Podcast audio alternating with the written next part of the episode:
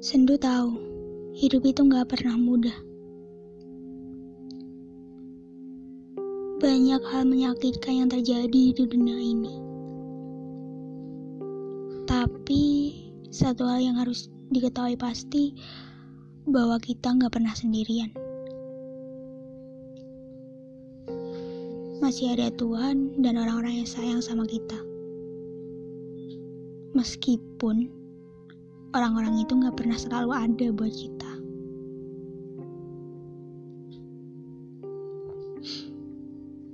Banyak orang-orang yang bersama, tapi tidak bisa bersama hingga akhirnya. Entah mereka memutuskan berpisah, atau memang sudah dipisahkan oleh semesta. Dan kali ini, Sendu ingin bercerita tentang yang namanya broken home.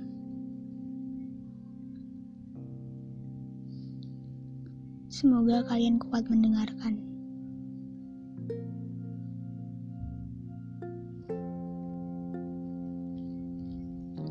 Tadinya rumah, sebelum keduanya memutuskan berpisah. Nyatanya yang dianggap rumah cuma tempat singgah. Yang semula cinta jadi benci. Yang semula bersama jadi berpisah. Mengapa dua jiwa yang semula bergandengan tangan saling berjalan berlawanan arah? Banyak yang bilang alasannya sudah tidak cocok lagi. Berpisah demi kebaikan semua atau parahnya ada orang orang ketiga. Sebenarnya bukan alasan-alasan kelas seperti itu. Tetapi lebih tepatnya ego dan kesetiaan mereka yang perlu dipertanyakan. Juga luka yang berusaha mereka lupakan. Mungkin mereka tidak ingat janji sehidup semati janji sakral pernikahan mereka, ataupun perasaan jatuh cinta yang mereka rasakan.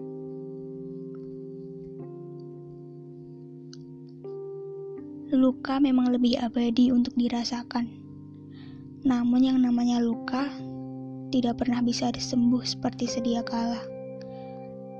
Pasti sebagian masih perih dan sebagian lagi tidak terasa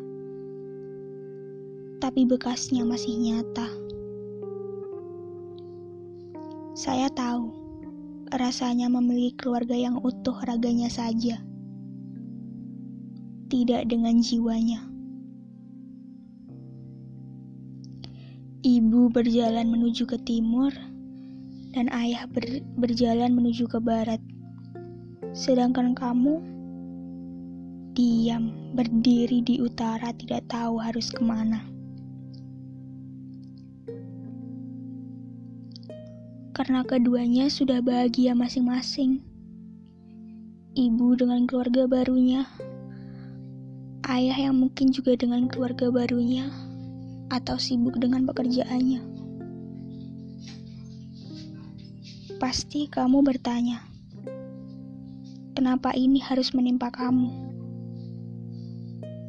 Kamu juga ingin seperti anak lainnya yang tertawa bersama orang tuanya mengambil rapot tanpa perlu diwakilkan, dipeluk sebelum berangkat ke sekolah, dibuatin sarapan yang mungkin aja menunya cuma telur ceplok atau tempe goreng atau nasi goreng. Yang tiap harinya sama tapi nggak pernah ngebosenin.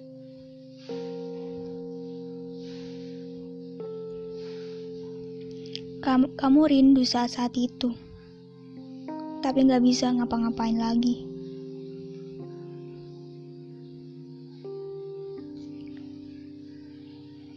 Semenjak mereka pergi, kamu tidak tahu yang namanya tanggung jawab dan menata ulang. Berat pasti. Mungkin jika ini tidak terjadi, kamu masih menjadi seorang yang bahagia. Masih memiliki keluarga yang utuh dan lengkap. Tapi sepertinya Tuhan berkehendak lain. Saya mengerti, kamu tidak pernah meminta terlahir di keluarga ini. Orang tuamu pun juga tidak memilih takdir yang seperti ini.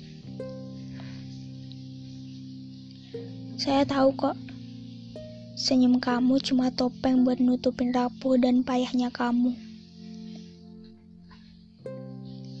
Tapi yang bisa nguatin diri kamu ya diri kamu sendiri. Orang lain cuma media buat bisa pasang mata, ngasih kata-kata bijak yang sebenarnya nggak perlu. Mereka pasang bahu 1 sampai 5 menit.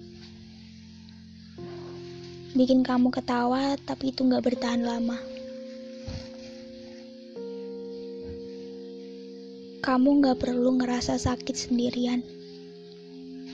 Karena masih ada orang yang di luar sana yang kayak kamu. kamu bisa dengar suara saya yang peduli sama kamu, meski jauh di sini. Biar saya rengkuh.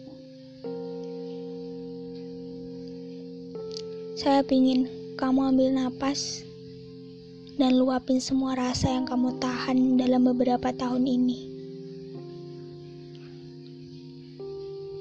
Apa yang kamu benci? Apa yang kamu inginkan? Kalau nggak ada deng yang dengar sakitmu, coba deh kamu masuk kamar, terus lihat diri kamu di cermin. Ajak dia ber ajak dia bicara soal luka, dan jangan lupa ajak dia berdamai. Setiap kamu putus asa buat hidup dan pengen ngelukai diri kamu sendiri, ingat bahwa kamu itu berharga. Kamu gak salah apa-apa. Lambat laun, semesta akan menyembuhkanmu dengan caranya. Hanya saja, jangan menyerah hingga saat itu tiba. Jaga diri kamu baik-baik. Maafin saya udah ngajak kamu buka luka lama. Jika bisa saya sembuhin, udah saya bawain obatnya. Terima kasih sudah berjalan sejauh ini. Saatnya kamu berdamai dengan semua yang menyakitkan.